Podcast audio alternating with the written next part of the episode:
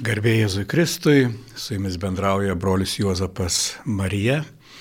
Ir šios dienos katechezė yra įkvėpta vienos iš alfa kursų temos, kaip aš galiu pasipriešinti blogai.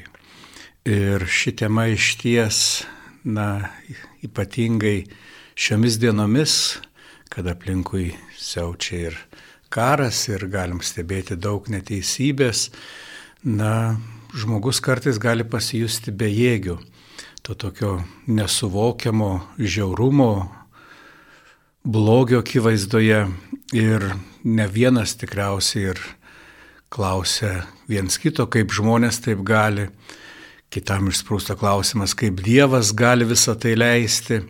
Ir iš viso tada įmama žiūrėti, ar tas žmogus, apie kurį pasakyta kūrybos pradžioje, kad Dievas jį sukūręs džiaugiasi ir sakė, kad tai yra labai gera, ar iš tiesų yra toks nuostabus jau tas kūrinys.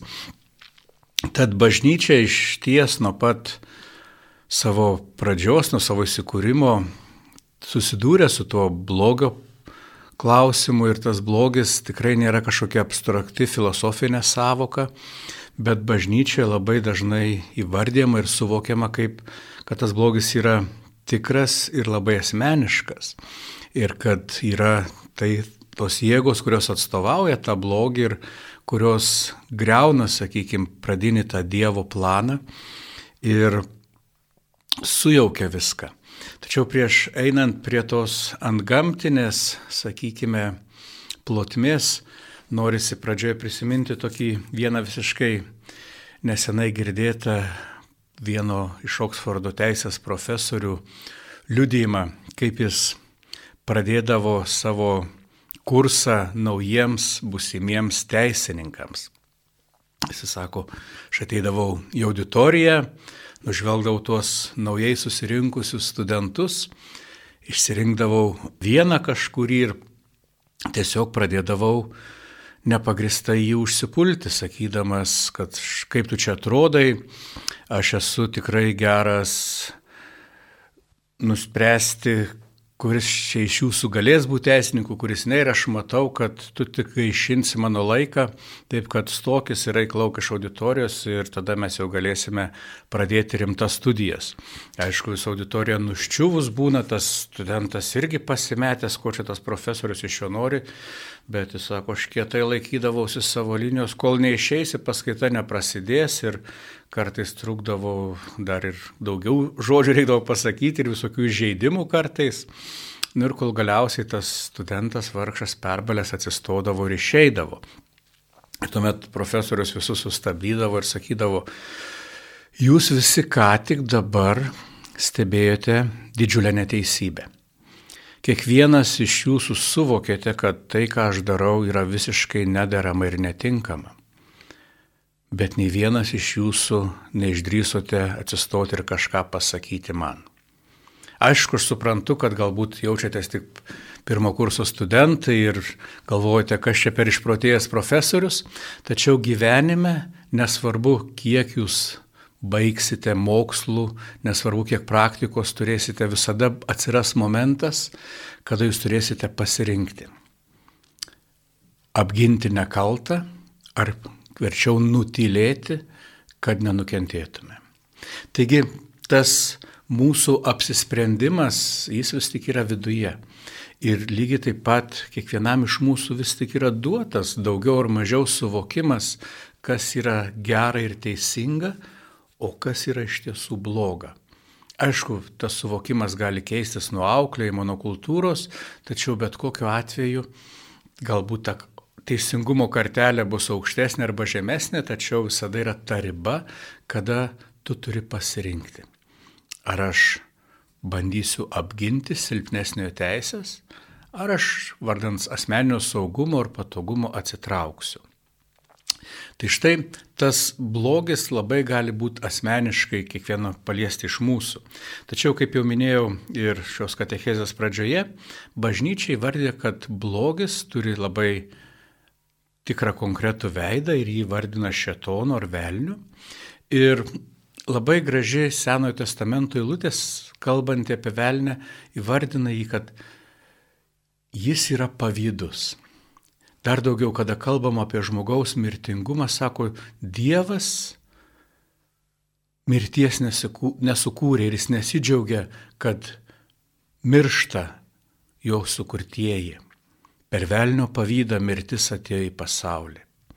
Taigi kalbama apie kažkokį velnio pavydą ir galėtume galvoti, ko čia tas velnas gali pavydėti, jis įvardyjamas kaip vienas iš Dievo kūrinių, vienas iš angelų, nupuolusių tiesa angelų ir jau nebeturi teisės vadinti angelų, nes angelas yra ne tik tais kūrinio apibūdinimas, bet ir nusakymas jo paskirties. Angelas yra tas, kuris vykdo ir Dievo valią ir jam patarnauja.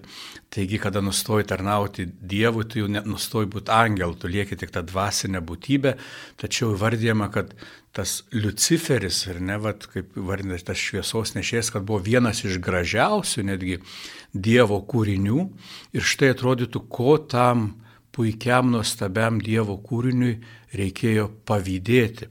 Dar daugiau, ko jisai čia dabar prie tų žmonių kabinėjasi. Ir yra, na, ir tokių iš apokrifų ateinančių ir taip pat iš teologinių pamastymų vis tik sudėliotas toks paveikslas, kuris aišku gali būti tik tais galbūt ir įsivaizduojamas, tačiau tai galėtų šiek tiek paaiškinti, kodėl tas velnio pavydas atsirado. Aišku, galtinę tiesą mes sužinosime tik jau nukeliavę į pas viešpatį. Taigi kalbam apie tai, kad kada pasaulis yra kuriamas, Dievas sukuria visą dvasinį pasaulį, pradeda kurti materiją ir štai savo angelams, tiem bendradarbiams, kurie vykdo Dievo valią, pasidalina savo planais sukurti žmogų. Ir ne šiaip kaip vieną iš kažkokių gyvūnų, bet sukurti jį tokį, kad atėjus laiko pilnatvei, jis, Dievas, galėtų į tą žmogų įsikūnyti. Ir čia, kada kalbam apie žmogų sukurtą pagal Dievo paveikslą ir panašumą, tai iš tiesų turime minityje, kad žmogus yra kuriamas pagal būsimą Jėzaus paveikslą. Būtent, kada kuriamas žmogus yra galvojama, kad štai ateis laikas, kada Dievas įsikūnys į žmogų Jėzaus asmenyje. Taigi tas žmogaus panašumas į Dievą yra mūsų, mūsų panašumas į Jėzų. Taigi, kada Dievas pasidalino tuo savo planu, Sakoma, kad štai va, Luciferis, tas gražiausias, nuostabiausias angelas, sako Dievui, jokių būdų tu negali taip daryti. Tu, kuris yra, esi aukščiausias, aukščiau iš visos kūrinės, aukščiau net virš visų angelų, nusprendėjai priimti žmogaus prigimti, to kirmino, to niekingo padaro, kuris tikrai nėra vertas tavo didybės. Ir sako, va štai jeigu nori jau tikrai nužengti žemyn į savo kūrinių tarpą, tai išsirink mane, patį gražiausią, nuostabiausią iš tavųjų kūrinių, tapk manimi, įsikūnyk į mane. Ir štai čia va tas pasakymas, kas čia nori būti panašus į Dievą, kas kaip Dievas, ar net tos Arhangelo Mykolo šūkis, Michael, kas kaip Dievas. Ir sako, tu nori būti panašus į Dievą, sako, eik šalin, šalin nuo Dievo planų neprieštarauk jam ir nesisteng būti panašus į Dievą iš savo puikybės. Nors atrodo skamba kaip toks gražus pasiūlymas Dieve, aš noriu tau pasiūlyti, kas yra geriausia. Ir štai čia tas pavydas yra įvardimas iš to, kad velnės po to stengiasi nuolatos įrodyti Dievui, kad jo pasirinkimas buvo neteisingas. Ir kiekvieną kartą, kada žmogus nupuola, sako, štai žiūrėk, tu pasirinkai va tą niekingą padarą ir žiūrėk, kaip jis elgesi labai tokia gražiai ta scena, netgi tokia panašiai aprašyta yra Jobo knygoje, kur sako irgi velnės ateina net į tą Dievo dvarą ir Dievas džiaugiasi, sako, žiūrėk, kokie nuostabus mano kūriniai, va, ir žiūrėk, kad nuostabiausias ir uoliausias iš jų yra Jobas. Ir tada velnės sako, ne, va, jeigu tu jį gerai papurtis ir pabandysi, pamatysi, kaip jis tavęs įsižadės ir, ir tada visa ta drama Jobo prasideda, kada velnės bando kažkaip padaryti, kad Jobas atsižadėtų Dievo ir kad jis galėtų Dievui sakyti, va, sakiau, kad net tas tavo rinktinis nevertas tavęs. Tai štai Iš to galima suvokti ir tą troškimą žmogų pažeminti, galima suvokti ir kodėl yra taip dažnai puolamas tas mūsų kūniškumas, nes būtent tas kūniškumas, tas įsikūnymo slėpinys yra didžiausia rakštis velniui gerklėje ir tad visi vad žmonės yra jam tarsi toksai įrodymo aikštelė, kad štai kiekvienas nupuolęs yra tarsi įrodymas, kad žmogus nevertas, kad Dievas į jį įsikūnytų. Ir šventajame rašte tikrai randame vat, tų tokių kovos laukų. Tai vienas, aišku, iš tų atstovų, kur aiškiai vardinamas kaip velnės, kaip šetonas. Kitą kartą skaitydami galite atrasti tą tokį kaip blogių įvardinimą kūnas, kur atrodytų pats iš savęs nieko blogo, ir ne, net Dievas nusprendžia priimti kūną, bet pats terminas kūnas dažnai vartojamas įvardinti kaip ta erdvė, kur yra nuopolis ir taip pat žodis pasaulis. Skaitydami Bibliją irgi rasite, kad vat, mes nesame iš pasaulio arba pasaulis įvardinamas irgi kaip ta velnio veikimo erdvė ir kur erdvė, kuri turi būti atpirkta ir atstatyta. Taigi, vat, matome, kad blogis turi labai konkretų ir asmenišką pavydalą ir bažnyčioje jis yra atpažįstamas. Ir čia randama keletas pavojų, kurie įvardyjami tikintiesiems, būtent santykėje su tuo blogiu. Tai visų pirma, netikėjimas tuo blogiu mes labai galim nustepti, žmogus dažnai tiki Dievu, tiki viskuo, bet netiki velniu. Ir čia yra viena, galima sakyti, iš tokio velnio pergalių, kad jis gali būti tas nematomas ir veikti tarsi ir įteikti žmogui, kad čia pats žmogus vis, už viską atsakingas, pats dėl visko kaltas ir tai iš to ateina ir tie kaltinimai, paskui tu važiuok toks silpnas, tu netikęs, tu save vadini Dievo vaiku, iš tikrųjų žiūrėk, kaip tu elgiesi. Ir mokėjimas atpažinti ir atskirti, kad esu vat, gundomas ir tas blogis nėra mano dalis, aš esu sukurtas, tai pagal Dievo paveikslą ir panašumą aš esu sukurtas šventumui. Taip žmogus nupuolė, taip žmogus padarė pasirinkimą pasipriešinti Dievui ir per tai blogis įėjo į pasaulį, įėjo į mūsų prigimti, bet tai nėra tai, kas Dievo man sumanyta. Ir kitas pavojus yra perdėtas ir nesveikas susidomėjimas tomis dvasių pasauliais ir tai dažniausiai ateina iš galios troškimų, kad štai turėsiu kažkokių slaptų galių, valdysiu kažkokias dvasias ir velnas labai nesunkiai per tai mus pagauna, jis tarsi pasiūlo kažkokį tarsi didesnį suvokimą, kažkokias galesnės, jis iš tikrųjų yra daug išmintingesnis už žmogų ir daug galingesnis, yra viena iš tokių stipresnių dvasių. Tai žmogus labai gali susigundyti, užmirždamas, kad būdamas Dievo vaiku, tai jis gali būti viso to valdovu ir nesipriešinams Dievui. Ir matome netgi kada Jėzus yra gundomas velnio, jis irgi prie jo eina vis tik visų pirma kaip prie žmogaus. Jam pasiūlo ir duonos, kuri duotų garbės, ar ne, kad visiems gali dalinti, bet Jėzus pats gali padauginti nesunkiai. Stato ant šelmens, kur puikybė ir tai netgi tarp kitko abejonį neša, sako, jeigu tu Dievo sūnus pulk žemyn ir angelai tave saugos. Ir tada tu gali galvoti, štai irgi žmogus, va tai jeigu aš esu Dievo vaikas, tai man nieko blogo negali atsitikti, mane Dievas apsaugos, jeigu kažkas atsitiko, tai jau čia tas, matyt, Dievas nelabai ne, ne, ne sugeba manim pasirūpinti arba galbūt nėra toks jau ir galingas, ar ne, va ta mūsų puikybė. Ir aišku, vat, paskutinis yra, sako, jeigu mane pagarbinsi, atiduosiu visą savo karalystės. Tai irgi tas vat, troškimas vat, galios, garbės, pripažinimo ir kartais vat, veda mus netgi vat, prie tos sutarties su šetonu, kuris iš tiesų tik tais trokšta mus pažeminti ir pražudyti.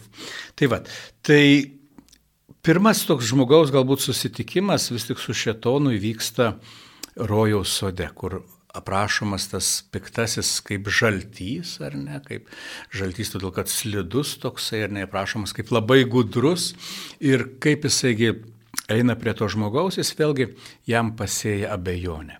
Ar tikrai Dievas taip sakė? Ar tikrai Dievas to iš jūsų nori? Ir čia va, kiekvienas tikintysis to sudurs, kaip ir va Jėzus, ar tikrai tu Dievo sūnus, ar ne? Ir tu pradedi svarstyti, nu, nu, man taip atrodo, aš, vat, bažnyčia sako, aš tuo tikiu, dar kažkas ir tada Kristaus, tai, tai ne, negalvok, čia yra daugiau kažkokios paslėptos išminties, aš tau pasakysiu, kaip yra iš tikrųjų, jeigu tu manęs paklausysi, pasidarysi išmintingas, kaip Dievas, ne, va, va, tai jeigu tą gėrio blogio pažinimo medžio vaisių nuskinsi, tai gausi išminties. Ir kokios išmintiesgi siūloma, ne tas gėrio ir blogio, iš tiesų tai tas labai gražiai, va, vis tik mūsų protėviai sugebėjo įvardinti tą blogio šaknį, gėrio ir blogio pažinimo medis. Tai yra sprendimas, kas yra gera ir kas yra bloga. Dievas sako, tu viską gali daryti, bet aš nuspręsiu, kas yra gera, kas yra bloga. Ir žmogus nori iš Dievo paimtą teisę. Aš dabar spręsiu, kas teisinga, kas neteisinga, kas turi gyventi, kas turi mirti, kas kaip turi elgtis, aš nustatysiu taisyklės. Aš nebesilaikysiu Dievo taisyklių, aš pasakysiu, kad tai yra gera ir tai vadinasi gera, aš pasakysiu, kad tai teisinga ir teisinga ir mes labai nesunkiai galime atpažinti šiandienos kultūroje tą tokį troškimą protestuoti ir sakyti, aš viskam nuspręsiu, kas yra gera, kas yra bloga. Ir štai vad tie sprendimai matome jau ir visas Senas testamentas pripildytas tų sprendimų. Ir jie atveda ir va prie pačioje pradžioje prie brolžudystės, prie karų, prie maištų, nes kažkas nusprendžia, kad kažkas yra geresnis, kažkas blogesnis, o tuo tarpu Dievas bando sakyti, visi jūs esate broliai, visiems visko užteks. Ir matome, kaip visas Senas testamentas, kaip tokia banga kylanti tame visame blogėje. Žmonės pasipiktina, sako, kiek ten baisybė aprašyta Senam testamente. Taip, nes tai yra knyga iš tikrųjų ne apie Dievą, bet apie žmogų, apie nupuolusi žmogų. Jeigu norite knygos apie Dievą, tai paimkite Naują testamentą ir skaitykite apie Jėzų Kristų. O Senas testamentas mums kalba apie žmogaus nuopolį ir jo nuolat kylanti tą šauksmą į dangų Dievę jau mes pavargome nuo tos savo tokios perdėtos laisvės, atsiūs mums gelbėtoje, atsiūs mums mesiją ir iš to ateina tas mesijo šauksmas, kad Dieve mums reikia. Mums reikia to išgelbėtojo, mums reikia vėlgi to didvyrio, kuris ateis ir viskas sudėlios į savo vietas. Ir čia labai gražus, vat, netgi žvelgiant atgal į tokį kalėdinį laikotarpį, Jėzaus atsakas. Vietoj žmogus prašo didvirio, prašo karaliaus, prašo gelbėtojo, o Dievas atsiunčia mažą vaiką. Ir sako, jūs, jūs patys būkite suaugę, jūs patys išmokite visų pirma pasirūpinti vaiku, paskui vienas kitu ir viskas po truputį stosis į savo vietas. Tai va, Tai velnės jisai gundo, jisai mus e, bando įvesti tokią nuolatinę baimę ir kalties jausmą, nes po kiekvieno nuopolio tu pradedi iš tikrųjų abejoti, ar tu tikrai esi tas Dievo vaikas, ar tu tikrai esi išgelbėtas, ar ne, netgi labai protestantus mėgstama, ar tu esi išgelbėtas klausti, ar ne. Ir tada sukalini, taip, taip, aš esu išgelbėtas. Taip, iš tiesų kiekvienas iš mūsų esame atpirktas. Tačiau tas atpirkimas, jis vadovaujasi ne mūsų kažkokia patirtimi, nes kūnas yra silpnas, nors ir dvasia stipri, kaip Paštalas Paulius sako, bet pasitikė tikėjimu. Ir čia man prisimena labai gražus toksai pasakojimas apie atpirkimą pasitelkiant šios dienos tokius įvaizdžius, sako, visi žmonės per nuodėmę nutapo velnio vergais, jie yra jo nusavybė. Ir iš tiesų mirti, nuodėmės kaina yra mirtis ir, ir velnio vergovė. Ir štai tas įvaizdis, kad visi tampame tarsi tą velnio nusavybę, taigi esame tarsi prekės kažkokio dideliam prekybos centre sudėlioti į vairias lentynas. Ir kadangi jau atėmėme iš Dievo teisės sakyti, kas yra gera ir bloga, tai velnės turi teisę ir sudėlioti kainas. Vienas labiau vertingas, kitas mažiau, vienas aukščiau lentynoje sėdi, kitas visai žemai nukainuotas, kai kažkas sukeltas į tokias super kainas ir jis įsivaizduoja, kad yra super žvaigždė, nors iš tiesų visi esame lygus Dievo vaikai. Bet čia, vat, tos pavydas ateina, tada tu nori tą aukštesnę lentynėlę užsipildyti pilti, tada eini į kompromisus, į dėrybas, tau velnės pakiša įvairiausių planų, ką tu, tu galėtum padaryti, kad tavo tarsi vertė pakiltų, bet kaip sako, kas iš to žmogui, jeigu jisai laimės visą pasaulį, bet pražudys savo sielą. Taigi, va, ta parduotuvė, kur visi stumdosi dėl geresnės vietos, dėl didesnės kainos, ir štai tą parduotuvę ateina Jėzus ir sako, noriu susisiekti su menedžeriu, jie ateina velnės ir sako, ko pageidautumėt, sako, aš noriu nusipirkti visus. Velnės sako, nu, tu čia jau taip užlenkiai aukštai. Žinai, kaina bus didžiulė. Gerai, sakyk kiek. Žinai, sako, tavo gyvybė už juos. Ir Jėzus sako, gerai, gerai. Ir tas sandoris įvyksta, Jėzus miršta ant kryžiaus. Ir tada parduotuviai pranešimas, esate laisvi, galite eiti, už jūs jau sumokėta. Jūs nieko nebeskolingi. Ir kodėl sako, vad sunku turtuoliui įeiti Dievo karalystę, nu jeigu sėdi gerai vertintoje lentynui, dabar šok nuo jos ir bėgti laukai nežinomybę, nesvarbu, kad į laisvę. Ten, kur visi bus lygus, kur negalėsi didžiuotis kažkuo, kur turėsi matyti kitame broliu ir sesę, Ir štai tie, kurie patikės ir išeis, tie bus laisvi. O tie, kurie sakys, ne, ne, man ir čia gerai, aš čia va, turiu kažkokią va, aukštą poziciją ir atstokit nuo manęs, kas man iš tos laisvės. Ir lieka toliau vergais. Tiesa ir po to gundimai nuolatos bus, kada po kiekvienos nuodėmės prie tavęs prišauks velnės, sakys, tai vėl papuoliai. O kainą užmokėtam žinai.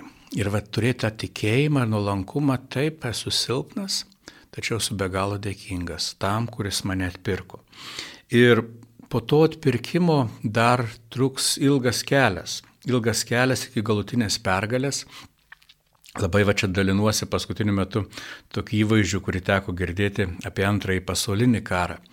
Sako, tikrai ten tos kovos pradžioje buvo labai permainingos ir neaišku buvo, kas čia laimės ir atrodė, kad hitleriniai Vokietijai tikrai pavyks pasiekti pergalę, tačiau po Normandijos išsilaipinimo, po tos D-Day dienos, kada sąjungininkai išsilaipino Prancūzijos pakrantį ir pradėjo kontrapolimą, visas pasaulis suprato, kad sąjungininkai karą laimės, o Hitleris jį pralaimės. Tiesa, kovos dar ilgai tęsiasi, dar buvo daug žuvusių, reikėjo dar daug drąsos, tačiau karas jau buvo laimėtas. Tai vad kiekvienam krikščioniui irgi galima pasakyti, Jėzus už mus kovą jau laimėjo. Tačiau mums dar reikalinga nemaža ta asmeninė kova, nemažai padaryti, kad tapti tos pergalės dalininkais. Mums visų pirma reikia išlaikyti tą tikėjimą, kad esame Dievo mylimi ir dėti pastangas, dėti pastangas keistis ir darytis vis labiau panašiu į tą atvaizdą, ne, apie kurį kalbėjom, pagal kurį buvom sukurti, būtent darytis panašiais į Jėzų. Ir štai šventasis raštas mums labai gražiai pateikia laiške Efeziečiam šeštajame skyriuje dvasinių ginklų visą sąrašą.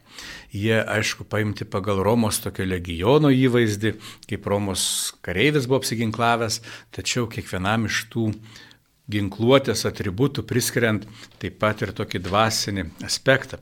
Tai sako visų pirma, susijuoskite tiesos diržu. Tai būtent susijuosti tiesa.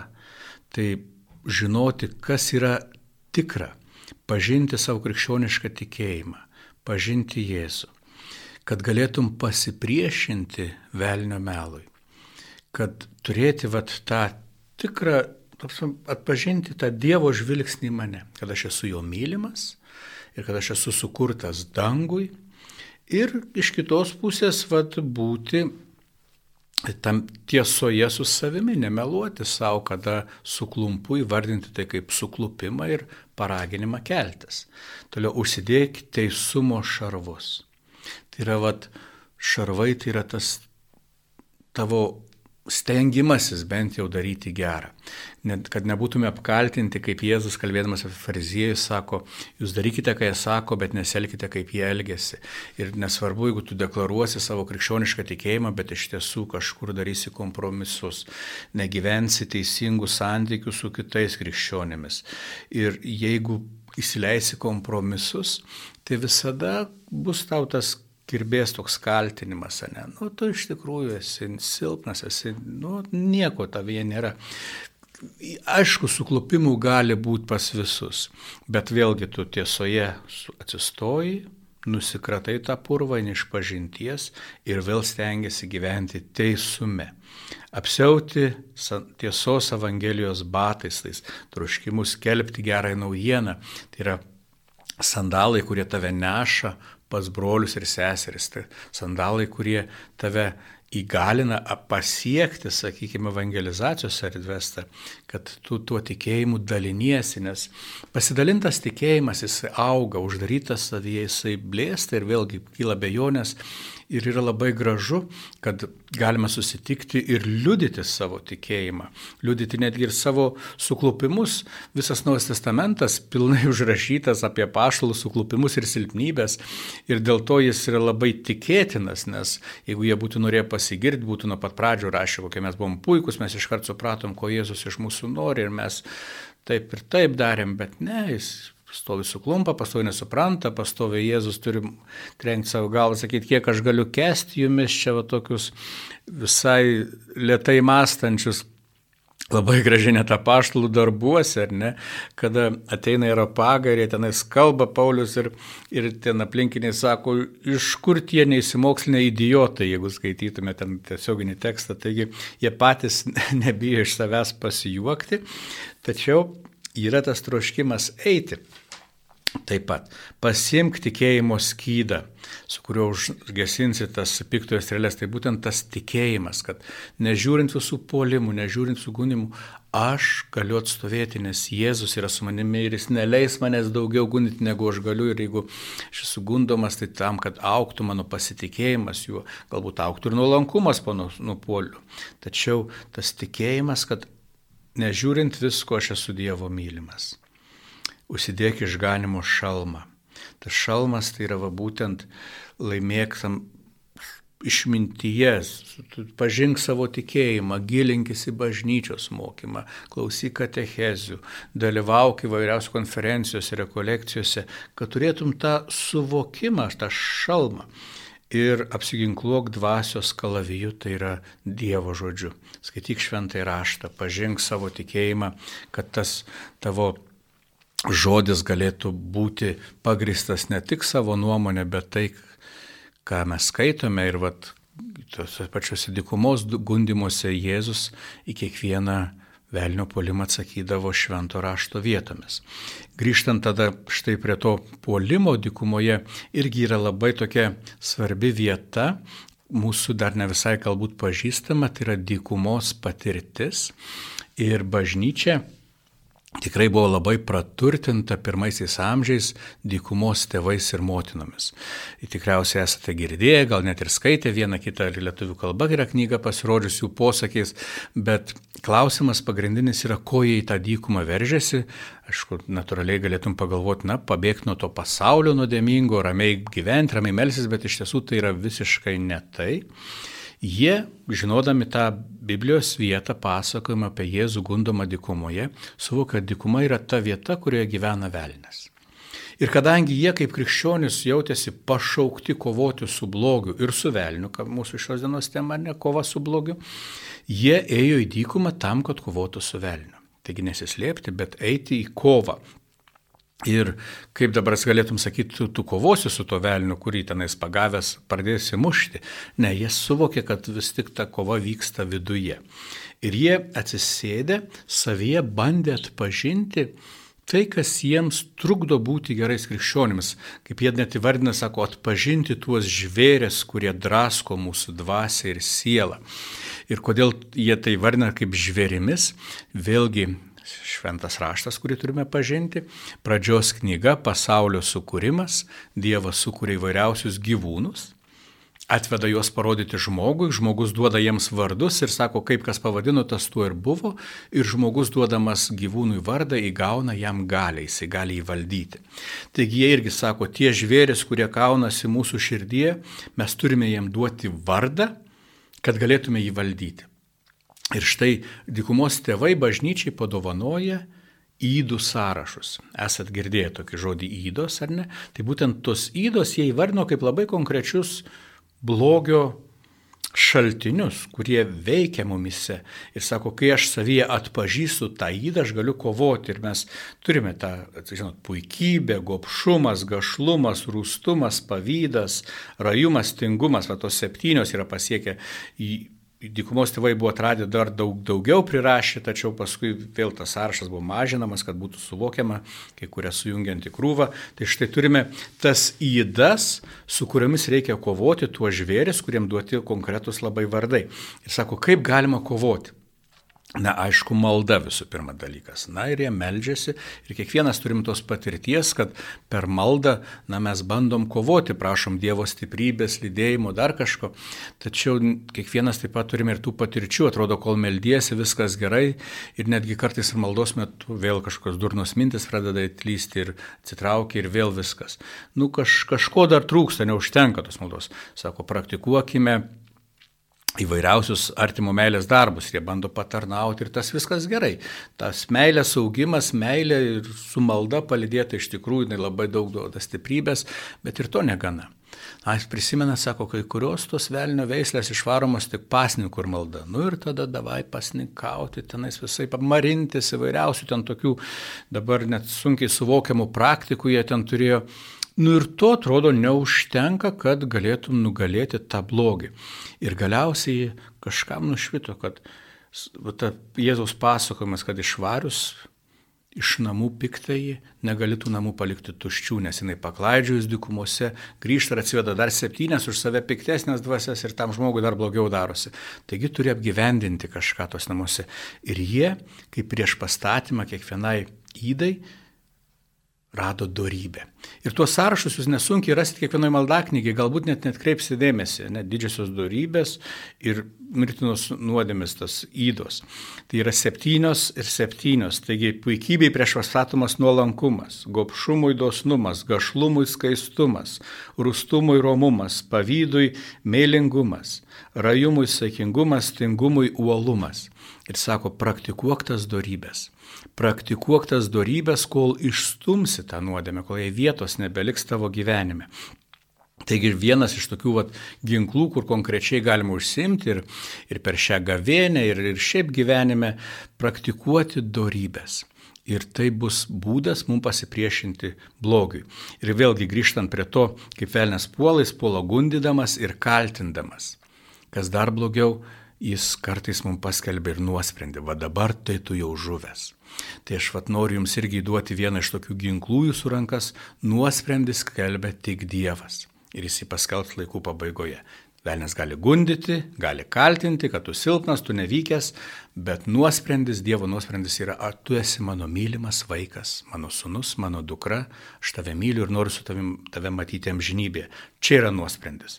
Ir jokio kito nuosprendžio velniui rankas neduokit. Taigi Jėzus atneša laisvę, suvokimą, kad esame Dievo mylimi, Jėzus mus kviečia į naują gyvenimą ir tas naujas gyvenimas ateina per nuolankumą, per darybių praktikavimą, per Dievo žodžio pažinimą ir dar labai svarbus momentas - per sugebėjimą atleisti broliu ir sesiai. Nes kiekvienam iš mūsų reikalingas Dievo atleidimas ir turime tą didžiąją sąlygą, kurią išsakom ir tėvė mūsų maldoje, atleisk mums mūsų kaltes, kaip ir mes atleidžiam savo kaltininkams. Taigi pradėkime nuo atleidimo, nuo prieimimo, nuo sustiprinimo viens kito paguodimo ir su Dievo malone pasieksime dangų. Ačiū, kad klausėte, gražios visiems gavėnius.